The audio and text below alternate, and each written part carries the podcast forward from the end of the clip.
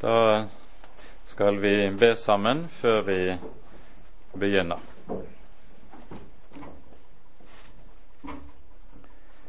Kjære gode og trofaste Herre og Gud. Så er vi kommet sammen igjen i ditt hellige navn, sammen om dine dyrebare ord. Takk, Herre, at du er en Gud som ikke er taus, men som har talt klart og tydelig, så vi kan få både kjenne deg og kjenne veien vi skal gå for å nå målet. Nå ber vi deg, gode Herre, at du vil komme og være hos oss med din Hellige Ånd, og at du vil gi oss lys og klarhet i ordet ditt, slik du ser vi trenger det. Og la oss få lov til å ha nåde til å bli bevart hos Jesus inntil enden. Kom, Herre du, forbarm deg over oss. Amen.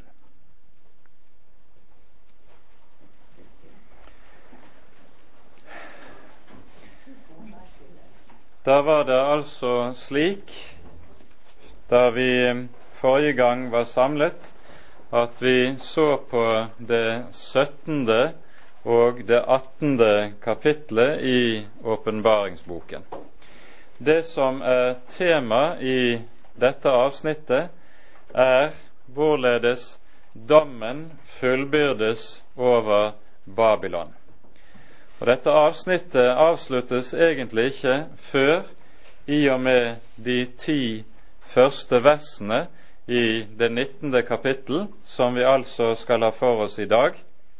Så vi er på sett og vis eh, egentlig ikke ferdig med noe av det som var tematikken forrige gang. Vi vil bare ganske kort minne om at når det er tale om Babylon, som vi hører om i disse kapitlene, så er det for det første et ord som står der som symbol for verdens rikets makt og står der også som navnet på eh, hovedstaden i Antikrists rike. I romertiden, da Johannes' åpenbaring ble nedskrevet, så var det vanlig blant jødene å kalle Roma for Babylon. I det dette Ordet ble brukt som dekknavn blant jødene på den gudfiendtlige verdensmakt, slik den var symbolisert ved sitt sentrum, hovedstaden i verdensriket. Og Derfor hører vi også i Første Peters brev, i det siste kapittelet der, hvorledes Peter taler, skriver brevet og så sier den utvalgte menighet i Babylon hilser dere. Og Da skriver jo Peter nettopp fra Rom, der han oppholdt seg de siste årene av sitt virke, før han også led martyrdøden der. I parentes skulle vi kanskje si noen ord også om det som har vært en Eh, vanlig tolkning i kirkehistorien, nemlig at Babylon, Skjøgen, som denne byen jo blir avbildet som i det 17. kapittel i åpenbaringsboken, det har ofte vært utlagt som betegnelse på den frafalne kirke. Um, slik hører vi jo bl.a. at Martin Luther utlegger dis, dette avsnittet i åpenbaringsboken, i det eh, hans tanke jo er den at den romerske kirke, den i datiden forente den både åndelig og verdslig makt, samtidig som den paven også jo hadde sin, eh, sitt sete i byen Roma. Eh, på mange måter så da Luther og reformasjonen den romerske kirke som en videreføring av det romerske riket i dets fiendskap mot evangeliet, mot Guds ord. Dette hadde han jo for så vidt også god dekning for i det reformasjonsårhundret også var en veldig martyrtid. Alle de som uh, uh, en, den romersk-katolske kirke lyktes å gripe, uh, led jo også martyrdøden. Det var en svær martyrtid i denne perioden. Men samtidig må vi også si at uh, det neppe er grunn til å si at Babylon betegner den frafalne kirke. Uh, slik som denne byen omtales i disse kapitlene i åpenbaringsboken, er det helt klart at det er hovedstaden i det antikristelige verdens rike som det her er tale om. Det sies jo like ut også i det siste verset i det 17. kapittelet, ehm, der det står slik Kvinnen som du så, er den store by som har kongedømme over kongene på jorden. Det er altså tale om det antikristelige rikes hovedstad. Det er jo også slik som vi pekte på og var inne på, at denne tittelen 'Den store by', som stadig settes eh, eller gis som tilnavn til byen Babylon i disse kapitlene, det hører vi i Det gamle testamentet. Det er også tilnavnet på eh, det gudfiendtlige verdensrikes hovedstad, slik vi møter det like fra første Mosebok, tiende og ellevte kapittel av, og så stadig utover hos profetene. Og det er denne symbolikken fra Det gamle testamentet som hentes frem igjen og tas opp igjen i åpenbaringsboken. Slik var det jo også Babylon som forårsaket Jerusalems fall i gammeltestamentlig tid. I det det var Nebukadnesa som var konge i det babylonske verdensriket, som med sine hærer angrep og erobret Jerusalem og brente byen ned til grunnen i år 587 før Kristus. Og Så blir fra denne tid av Babylon det faste navnet i det jødiske folk på den gudfiendtlige verdensmakt i alt dens velde. Med dette som uh, overlys så skal vi nå lese uh, de siste versene i det 18. kapittel, som vi ikke fikk gått nærmere inn på forrige gang. Og så går vi inn og leser de ti første versene i det 19. kapittel. Fra vers 20 står det da slik.: Fry deg over den, du himmel, og dere hellige, og dere apostler og profeter, fordi Gud har holdt dom over den for dere. Og en veldig engel løftet en sten som en stor kvernsten og kastet den i havet og sa:" Så skal Babylon, den store by, kastes ned med hast og ikke finnes mer. Og lyd av harpespillere og sangere og fløytespillere og basunblåsere skal ikke mer høres i deg. Og ingen som driver noen kunst, skal mere finnes i deg, og lyd av kvern skal ikke mere høres i deg. Og lys av lampe skal ikke mere skinne i deg, og røst av brudgom og brud skal ikke mere høres i deg. For dine kjøpmenn var stormennene på jorden, fordi alle folk ble ført vill ved din trolldom. Og det ble funnet blod av profeter og hellige og av alle dem som er myrdet på jorden. Det vi her hører, som vi altså begynner med vers 20 her, det står som så å si kontrasten og motpolen til det som går foran i det 18. kapittel, der vi hører folkeslagene på jorden klage over Babylons fall. Falt, falt er Babylon. Og så sørger kongene, så sørger kjøpmennene, så sørger handelsmenn og sjøfolkene, som alle blitt rike gjennom handel med hovedstaden. Alle gråter over henne. Mens så kommer det i vers 20 i himmelen lyder det motsatte av klage. Her lyder takken og jubelen. Endelig er det antikristelige riket sitt sentrum ødelagt. Og med det som her begynner, er nå Guds endelige dom i ferd med å tre i kraft. Og det som da nevnes, og som vi skal minnes om særlig, det er det vi hører i det 24. verset. Det ble funnet blod av profeter og hellige i den. Like som det antikristelige riket har innledet en veldig forfølgelsestid overfor den kristne menighet, så har også dette vært noe av selve grunnpreget ved Babel, eller Babylon, som dette rikets hovedstad.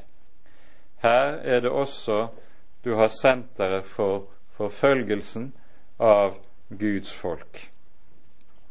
Og så ligger det i dette ropet når det lyder 'Falt, falt er Babylon det store', så å si Guds svar på klagesangen fra martyrene som vi hørte i det sjette kapittelet. Vi hører om martyrene som oppholder seg under alteret i Guds tempel i himlene. Og de roper til Gud og spør Hvor lenge, Herre, skal det enda gå før du griper inn? Nå er den tid kommet.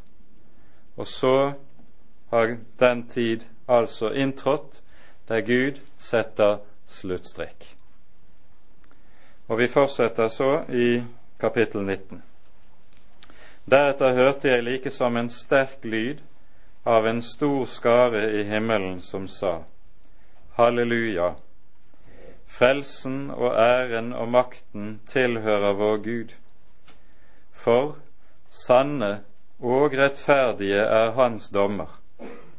Han har dømt den store skjøge, hun som ødela jorden med sitt horelevnet, og han har krevd sine tjeneres blod av hennes hånd.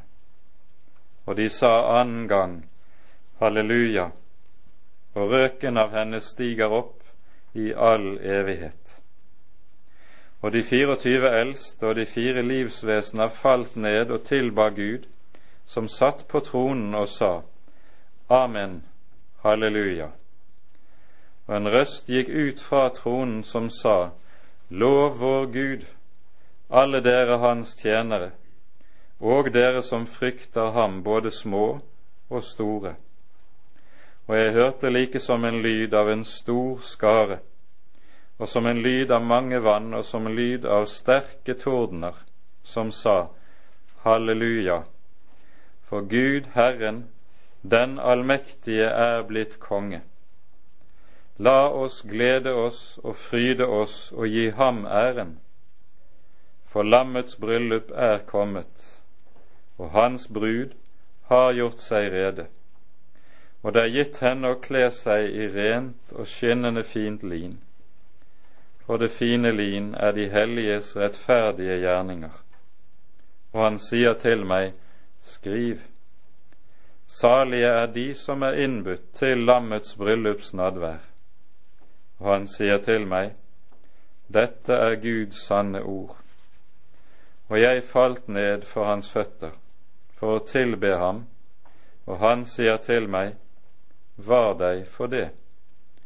Jeg er din og dine brødres medtjener, de som har Jesu vitnesbyrd. Gud skal du tilbe, for Jesu vitnesbyrd er profetordets ånd.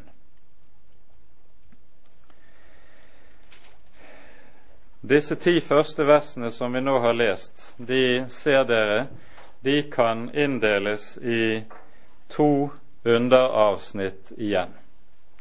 De første fem versene omtaler lovsangen i himmelen over at nå har Gud endelig grepet inn til dom. Mens så de fem siste versene, de er en lovsang og en nærmere forutforkynnelse av det som så også er historiens egentlige mål lammets bryllup. Og så møter vi med det som sies der, et av grunntemaene i åpenbaringsboken. Et tema som her anslås meget tydelig og klart, og som så dukker opp igjen i det 21. kapittelet. Og Det vi godt kan si når det gjelder åpenbaringsbokens oppbygning her, er det er at du godt kan sammenligne dette med en symfoni som er meget kunstferdig bygget opp. Og i en symfoni er det jo gjerne slik at der har du et grunntema som anslås, og så lages der variasjoner over det, og så blir det kanskje borte, og så dukker det opp igjen senere med ny kraft. Og slik hører vi også åpenbaringsboken taler. Temaet dukker opp med jevne mellomrom, like som i symfonien. Og Når dette er sagt slik, så er det for at vi også skal understreke at vi skal ta oss sterkt i vare for å lese åpenbaringsboken kronologisk.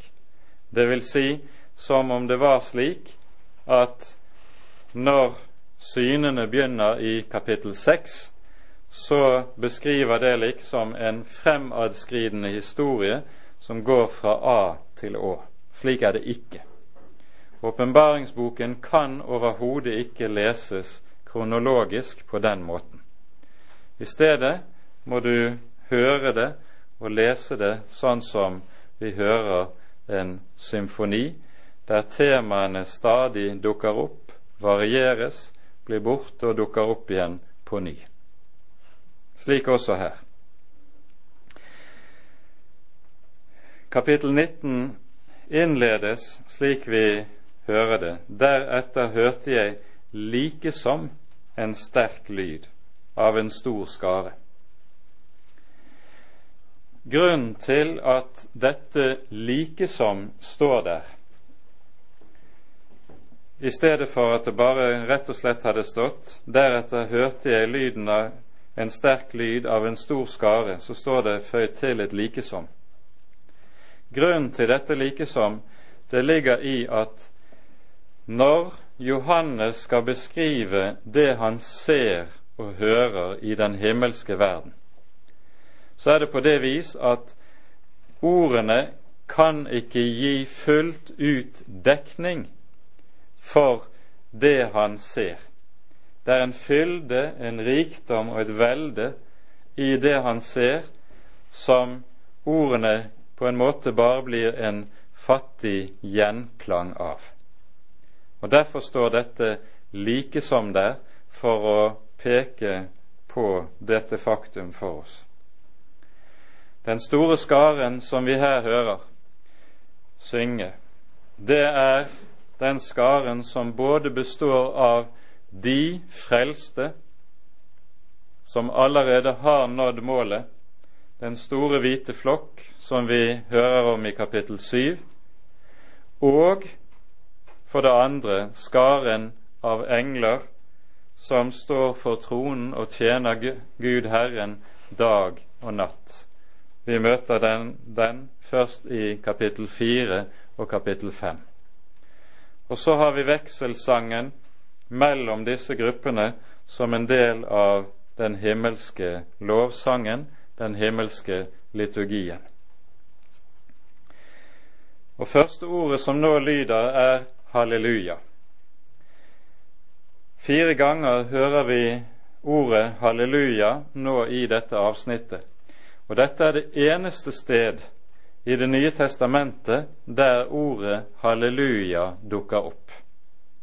Ellers hører vi det kun i Bibelen, i Salmenes bok. Fra og med slutten av Salme 104 dukker det stadig opp i, utover hen, frem til avslutningen av Salmenes bok. Dette ordet det kommer av et hebraisk verb, halel, som betyr å lovsynge eller å lovprise. Og så er det føyd til endelsen ja, som er forkortelse for Guds hellige navn. Og Det er altså en imperativ som betyr lovsyng Herren. Det er det ordet halleluja betyr. Lovsyng Herren.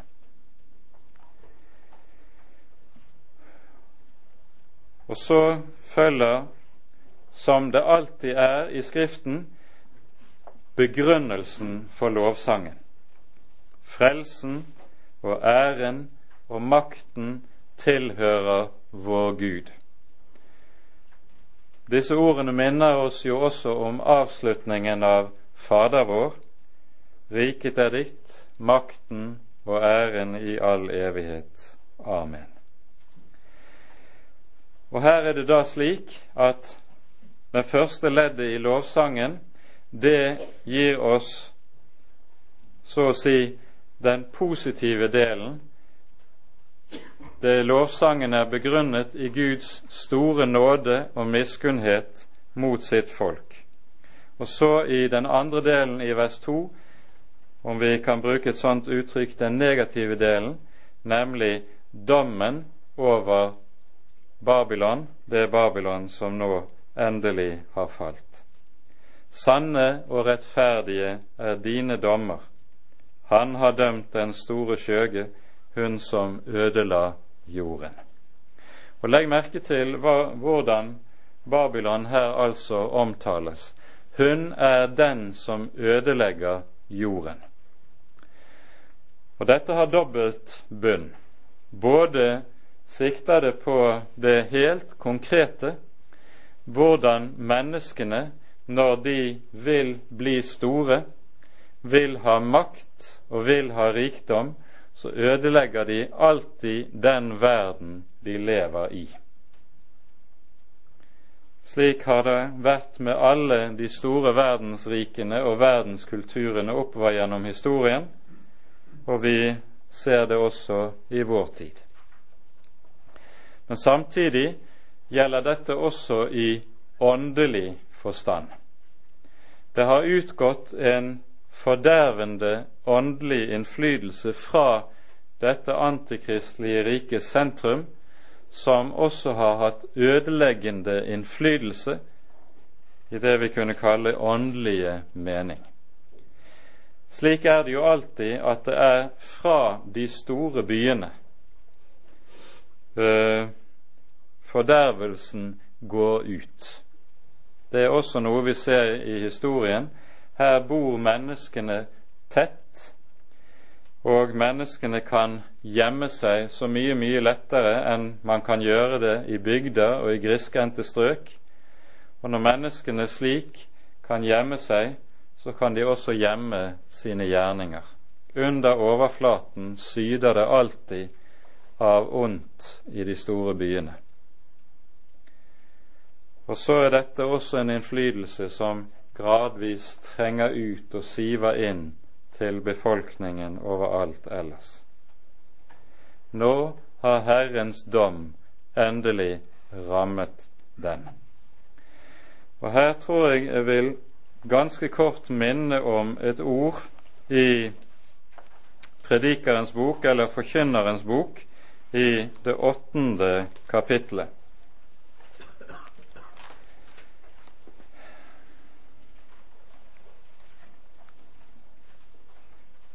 For det har Forkynnerens bok, eller Predikerens bok, det åttende kapitlet. Det er jo slik at det som var Babylons fremste kjennetegn, var dets hovmod. Og i, her i Forkynneren kapittel 8 fra vers 11 hører vi noe om hva som gjør hovmodet, at hovmodet så å si får utvikle seg og vokse seg sterkt som det gjør. Det står fordi dommen over den onde gjerning ikke fullbyrdes straks. Derfor svulmer hjertet i menneskenes barn, så de drister seg til å gjøre det som ondt er. Fordi synderen hundre ganger gjør det som ondt er, og allikevel lever lenge. Dog vet jeg jo at det skal gå den gudfryktige vel, fordi de frykter Gud, men at det ikke skal gå den ugudelige vel og at han lik skyggen ikke skal leve lenge fordi han ikke frykter Gud. Altså fordi dommen over den onde gjerning ikke fullbyrdes straks, svulmer hjertet. En kan liksom fortsette å gjøre det en vil.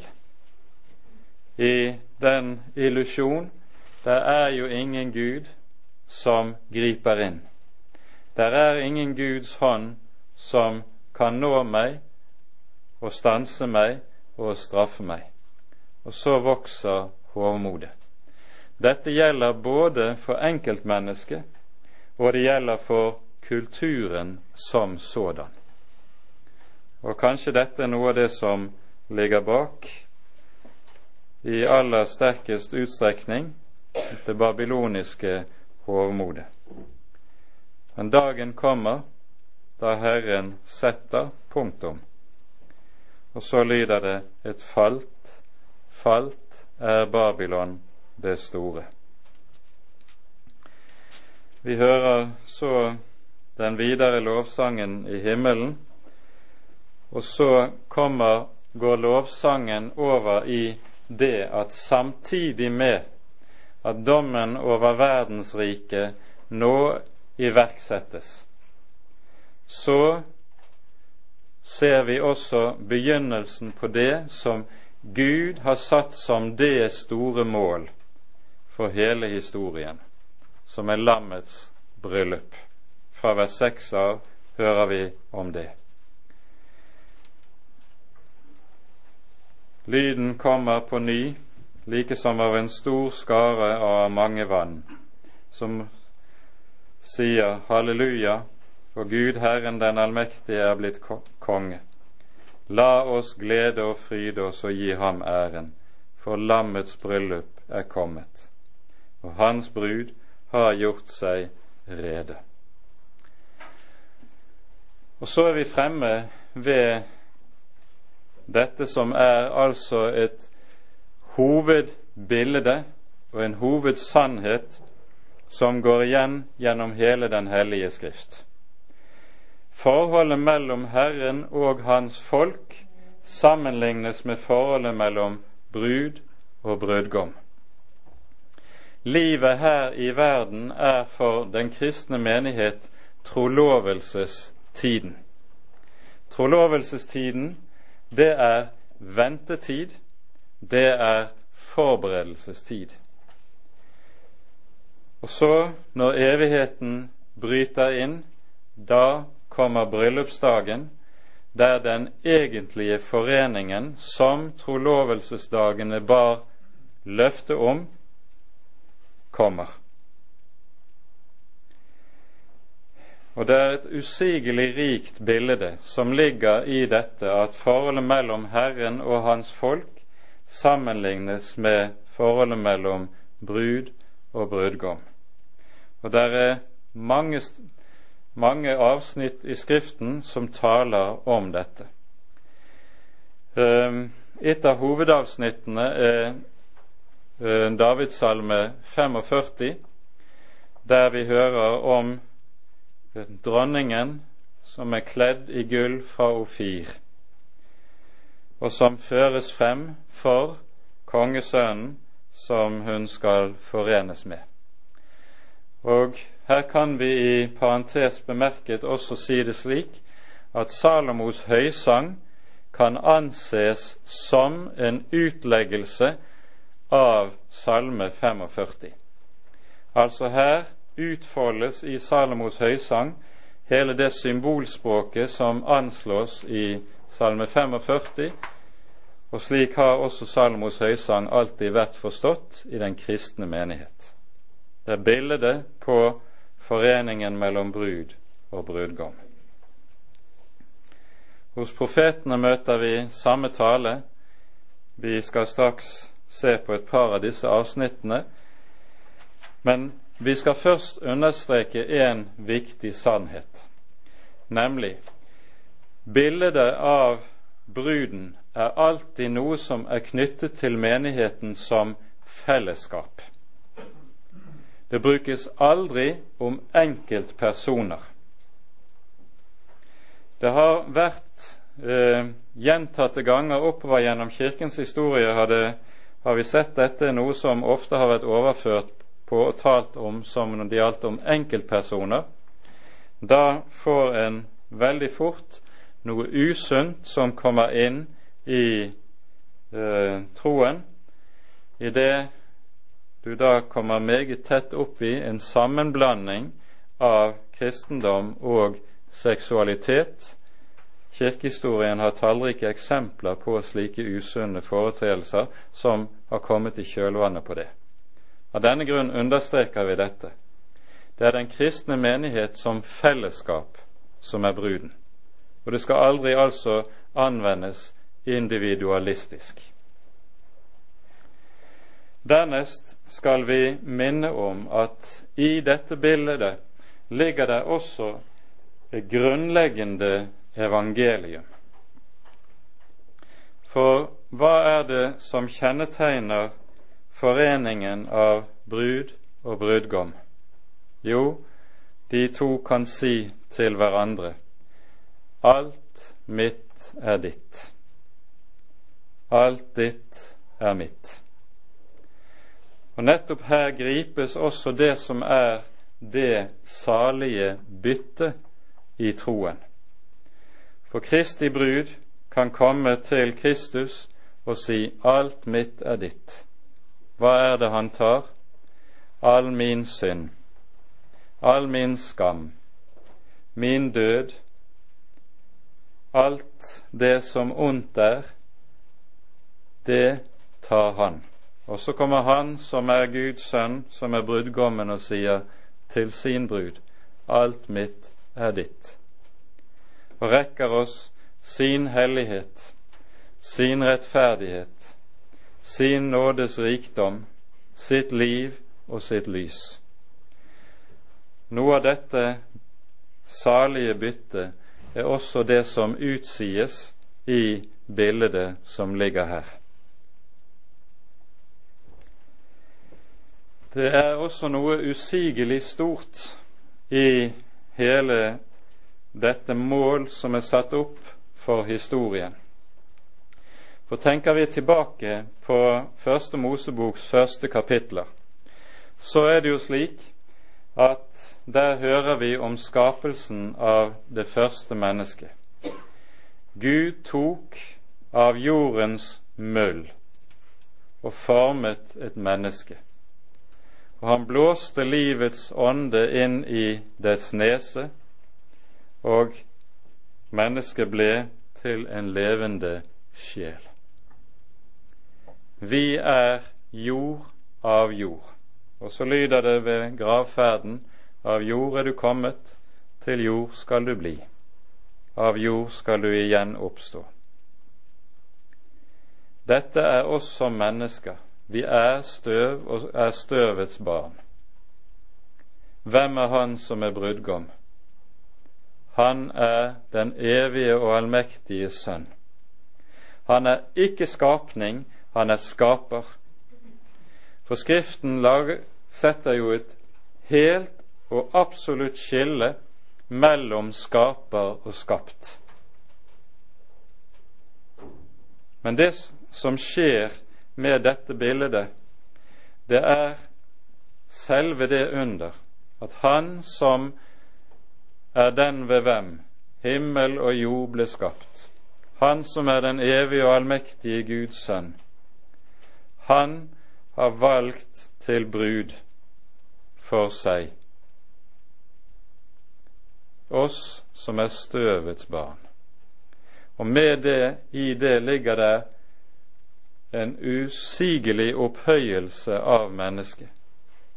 I dette og med dette sier det Bibelen sterkere kanskje enn på noe annet vis hvor høyt Gud har satt mennesket sin skapning. Han har utvalgt mennesket til å bli sin brud. Vi hører jo også i forbindelse med skapelsen av Adam og Eva, som liksom står der som et urbilde på dette, at Herren lot en dyp søvn falle på Adam, tok et ribben fra hans side og dannet kvinnen av ribbenet og førte henne til Adam, som bryter ut. Dette endelig ben av mine ben, kjød av mitt kjød. Slik er det også Guds sønn vinner seg sin brud. Gud lar den dype søvn falle på ham idet han dør på korset. Og når hans side gjennombores, og det renner ut vann og blod, slik vi hører det i Skriften, vinnes hans brud derved. Og så kan Guds sønn bryte ut når han møter sin brud. Her er endelig ben av mine ben, kjød av mitt kjød. For han har vunnet seg sin brud ved sin egen lidelse og død. Og eh, vi hører jo også det sies i Første Mosebok to, når Gud i sitt råd vil danne kvinnen, så sier hun jeg vil gjøre ham en medhjelp som er hans like. Slik opphøyer den evige mennesket, slik at brud og brudgom forenes, og så kommer lammets bryllup. Det ligger noe i dette som er så stort at det er vanskelig å uttrykke det i ord. Vi må undre oss over at Han som troner så høyt, har vært villig å bøye seg så dypt og sette oss som er støvets barn, så høyt som han er. Salige er de som er innbudt til lammets bryllupsnadvær, lyder det.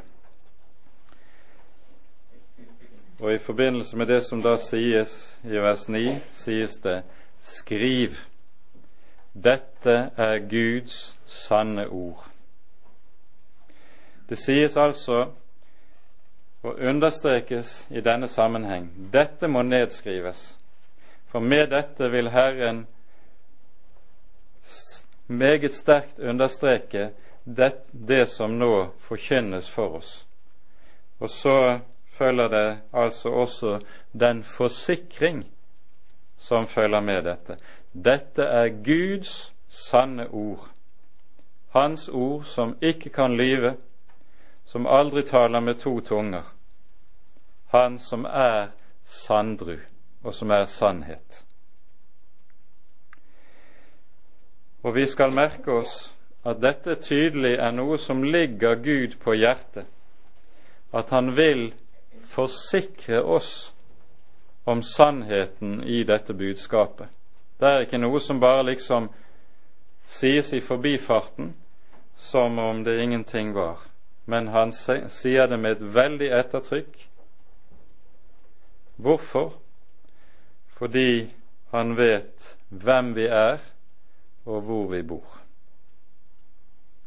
For ser vi på det som den kristne menighet er her i verden, og ikke minst hvordan det er med oss selv, så er det jo skrøpelighet og nød som stadig er den kristne menighets vilkår her i verden og her i tiden. Det er ikke så storartet. Det er smått. Og så sier Skriften, legg merke til deres kaldbrødre. Ikke mange store ble utvalgt. Ikke mange mektige, ikke mange vise. Men det som var lite, det som var svakt, det utvalgte Gud seg for å gjøre det sterke til skamme. Altså dette er grunnen til at det for Guds folk også er vanskelig å tro denne sannhet. Ser vi på oss selv, så er vi ofte så skrøpelige, så uendelig skrøpelige. Vi er så uendelig befengt med det som er urent, og det som er syndig. Og så vil Herren nettopp i møte med det vi ser hos oss selv, forsikre oss om hva som er Hans løfte. Dette er Guds sanne ord. Skriv. Og det er det som er hellig skrift i ordets egentlige forstand. Nå beskrives bruden for oss, og det sies lammets bryllup er kommet, hans brud har gjort seg rede, og det er henne gitt å kle seg i rent og skinnende fint lin.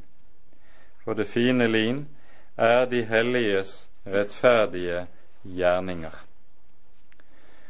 Og Her legger vi merke til noe som uh, er en grunnsannhet i Skriften når det er tale om helliggjørelsen. Mange tenker jo at det som vi hører her, det står tilsynelatende i motsetning til det vi hører i det syvende kapittelet. Her er det tale om den store hvite flokk som også er kledd i det rene, skinnende hvite lin. Og så sies det her i vers 14 i det syvende kapittel dette er de som er kommet ut av den store trengsel. De har tvettet sine kjortler og gjort dem hvite i lammets blod. Altså det som gjør kjortlene hvite, klesdrakten ren, det er forsoningen. Kristus, vår Messias, er død i vårt sted og i kraft av hans lidelse og død eier vi syndenes forlatelse, og er vi renset i hans blod. Men så sies det altså her det fine lin er de helliges rettferdige gjerninger. Legg da merke til at det sies i, også i dette verset det er henne gitt. Det står altså ikke at det er noe som hun har tiltatt seg selv eller laget seg selv, men det er noe som er henne gitt. For Skriften lærer oss meget tydelig og klart at liksom vi eier rettferdiggjørelsen i Kristi blod De har gjort sine kjortler hvite i lammets blod. Så er også helliggjørelsen noe som gis til Guds folk. Det er ikke noe som er et resultat av at vi strever med oss selv. Helliggjørelse handler aldri om selvforbedring. Og Derfor beskriver Skriften uh, dette som noe som alltid vokser frem av livet i Kristus. Aller klarest kommer dette kanskje til uttrykk i Johannes 15, der Jesus sier 'Bli i meg, så bærer dere megen frukt'. Han sier ikke gjør slik og gjør slik, så skal dere bære megen frukt. Nei, det gjør han ikke. Da, om så var tilfellet, da hadde vi på ny vært underlagt loven. Og det er det en kristen ikke er. Derfor sier han altså 'bli i meg', 'bli i min kjærlighet'. Da bærer du megen frukt. I dette ligger det eh, oppfyllelsen av løftet som ble gitt i Det gamle testamentet. Vi leser eksempelvis hos Esekiel i det 36. kapittelet slik. Her tales det om frelsens tid som kommer når den nye pakt opprettes. Esekiel 36 fra vers 25.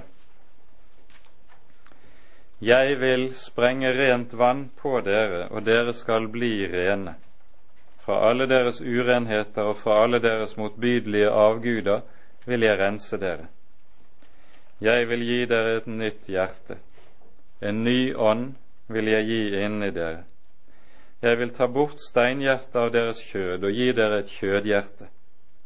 Min ånd vil jeg gi inni dere og jeg vil gjøre at dere følger mine bud og holder mine lover og gjør etter dem. Legg merke til, også her står det 'Jeg vil gjøre at dere følger mine bud og holder mine lover'. Der evangeliet får rom i et hjerte, slik at en fødes på ny. Der fødes det også en trang til å innrette livet etter Herrens hellige bud og hellige lov. Dette er så å si noe av det grunnleggende kjennetegn på helliggjørelsen, at en har denne trang til å innrette livet etter Herrens lov. I våre lemmer ser vi en annen lov, som strider mot loven i vårt sinn vi har det gamle mennesket hos oss, og derfor vil det alltid være en kamp mellom disse to. Men det som altså kjennetegner et kristent menneske, er at det i hans hjerte og i hans sinn er det en trang etter å gjøre etter Herrens ord og vilje.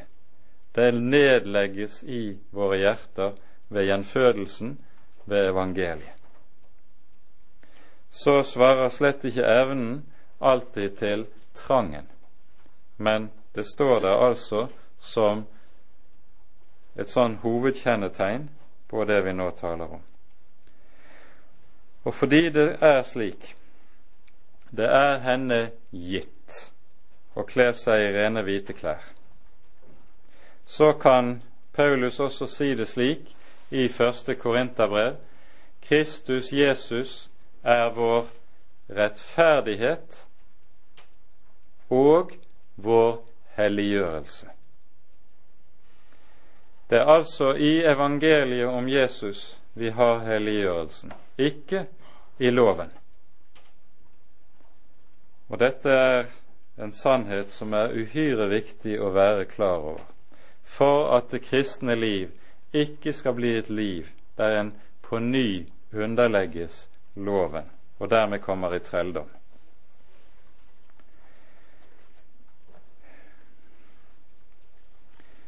Så hører vi reaksjonen hos Johannes på det han har hørt i det tiende verset. Jeg falt ned for hans føtter for å tilbe ham, og han sier til meg, var deg for det. For jeg er din og dine brødres medtjener, de som har Jesu vitnesbyrd. Gud skal du tilbe, for Jesu vitnesbyrd er profetordets ånd. Her ser vi at dette budskapet som Johannes nå har fått se inn i, og som er, har kommet til ham, det virker så overveldende på ham at han faller på sine knær, faller på sitt ansikt i trang til å tilbe. Dette ser vi Johannes overmannes av ved flere anledninger. Vi hører også om det i det 22. kapittel her i åpenbaringsboken. Og han advares på det sterkeste. For det er bare én som skal tilbes, det er Han som er Gud. Ingen annen. Det engelen sier om seg selv, er at han er vår medtjener. Engelen er skapning, akkurat som vi mennesker er skapning. Og Derfor, fordi englene ikke er guddommelige, skal de heller ikke tilbes. Det er bare én som skal tilbes. Men her legger vi merke til også et annet viktig trekk. Vi hører om hva som kjennetegner de som hører Herren til, lammets brud. Hva kjennetegner dem? Det er de som har Jesu vitnesbyrd, sies det. De har Jesu vitnesbyrd. Dette er et uttrykk som etter grunnteksten har dobbel betydning. For det første så kan det bety vitnesbyrdet om Jesus. De har altså vitnesbyrdet om Jesus. Det er det vitnesbyrd de mer enn noe trenger, som de holder fast ved, som de vet er livet sitt. For det annet så betyr dette uttrykket det vitnesbyrd Jesus har avlagt, dvs. Si, i det han har forkynt Guds ord. Og det er slik når Bibelen uttrykker seg på denne måten, at når det har dobbelt bunn, så skal vi alltid ha begge nyansene, begge betydningene med. Begge klinger med hele tiden. Og det som med dette uh, vi minnes om, er Jesu ord i Johannesevangeliets 14. kapittel, der Jesus sier den som elsker meg, er den som har mine ord og tar vare på dem. Og så sies det i Johannes 14, 23, Den som ikke elsker meg, tar ikke vare på mine ord. Vi hører altså at det grunnleggende kjennetegnet på et rett forhold til Jesus ligger nettopp i dette forholdet til Jesu vitnesbyrd. Og det er det vi så minnes om her i dette verset i Åpenbaringen 10. Den siste setningen her er også viktig å merke seg. For når det så sies Jesu vitnesbyrd er profetordets ånd, så er det en setning som ved første øyekast virker ganske kryptisk. Og man må tenke både én og tre ganger på hva man må ligge i dette. Men saken er at med denne setningen så sies hva som er det grunnleggende i hvordan en skal lese hele det profetiske ord, enten det handler om Det gamle testamentet eller Det nye testamentet. Det er Kristi vitnesbyrd som er profetordets ånd. Luther sier det på sin måte når han sier det slik det er Kristus, budskapet om Kristus, som er Skriftens kjerne og stjerne. Og det gjelder både i Det gamle testamentets profetiske skrifter og i Det nye testamentet. For Den hellige ånd, der han taler, så har han ett kjennetegn fremfor noe. Slik Jesus sier i Johannes 16.: han skal herliggjøre meg. Det er det som er talsmannens oppgave. Han herliggjør Kristus. Og så er det altså Jesu vitnesbyrd som er profetordets ånd. Og skal du forstå Skriften rett, så kan det kun forstås på det vis. Derfor er det også slik at når vi ser Paulus gå fra å være fariseer til å bli en kristen, så det er en hovedsak han så å si må lære om igjen. Han må begynne å lese Skriften på ny. For saken er jo her at jøder og kristne de står der med den samme hellige skrift, nemlig Det gamle testamentet. Men de jøder og kristne forstår den samme hellige skrift vidt forskjellig. Og hva er det som utgjør forskjellen? Jo, nettopp dette. Jesu vitnesbyrd er profetordets ånd. Det var det Paulus fikk se og oppdaget da han ble en kristen. Og så måtte han dermed med det lære å lese Skriften på ny. På en helt ny måte. Det var det Jesus også lærte disiplene på veien til Emmaus. Da opplot han deres øyne så de forsto Skriftene. Jesu vitnesbyrd er profetordets ånd.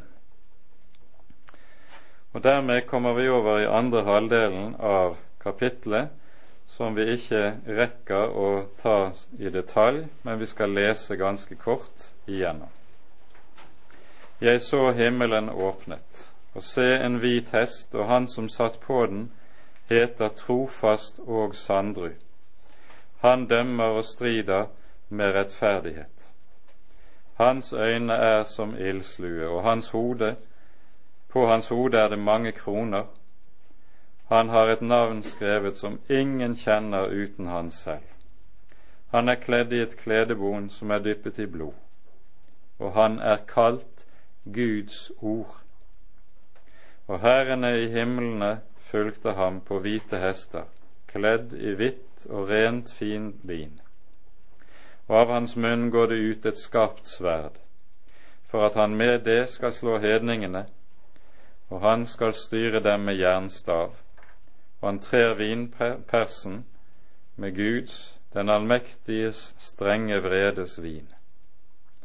På sitt kledebon og på sin lend har han et navn skrevet, Kongers konge, Herrers herre. Og jeg så en engel som sto i solen han ropte med høy røst og sa til alle fuglene som flyver under det høyeste av himmelen.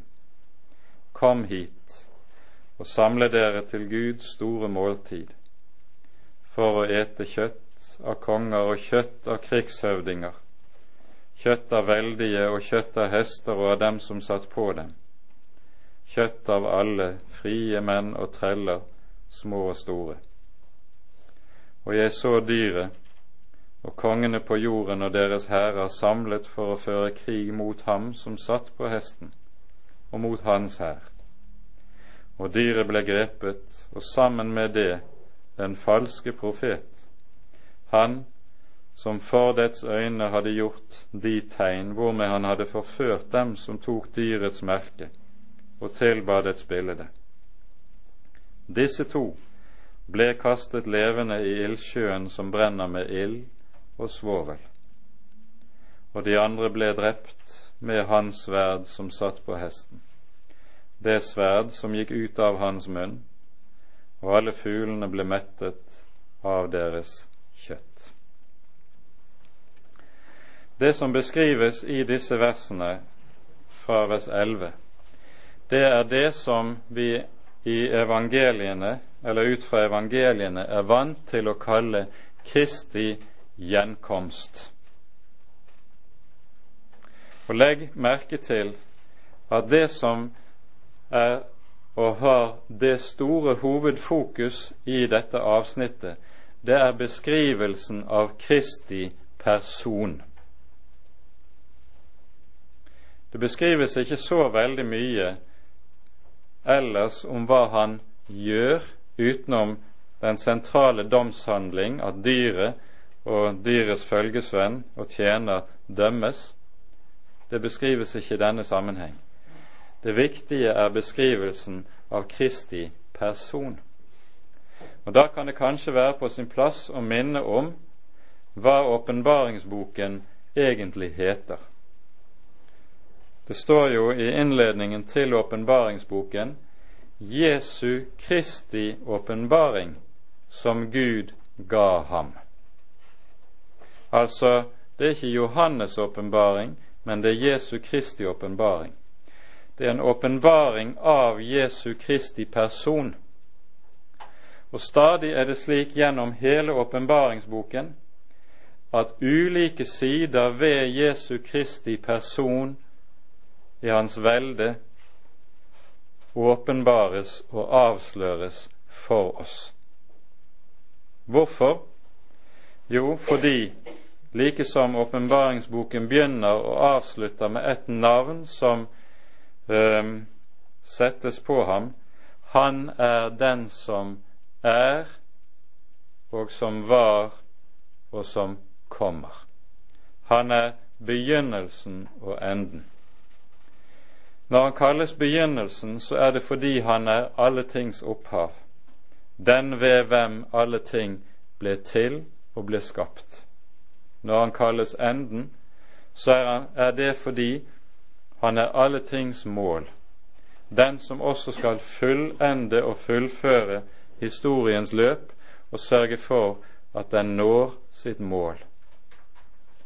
Historien ender ikke i et meningsløst kaos av ondskap og elendighet, men den ender slik åpenbaringsboken tegner det for oss. Den når sitt mål fordi Han som er åpenbaringsbokens sentrum, heter begynnelsen og enden, og er Guds ord. Så rekker vi da ikke å gå inn på dette i detalj i dag. Vi får ta mer av det ved, på neste bibeltime. Vi setter punktum der. Men løftet står altså der. Se, jeg kommer snart. Og når han kommer, så er det nettopp som den som fullfører målet for hele skaperverket. Fullfører det idet han så også forenes med sin brud. Amen. Ære være Faderen og Sønnen og Den hellige ånd, som var og er og være skal en sann Gud, høylovet i evighet. Amen.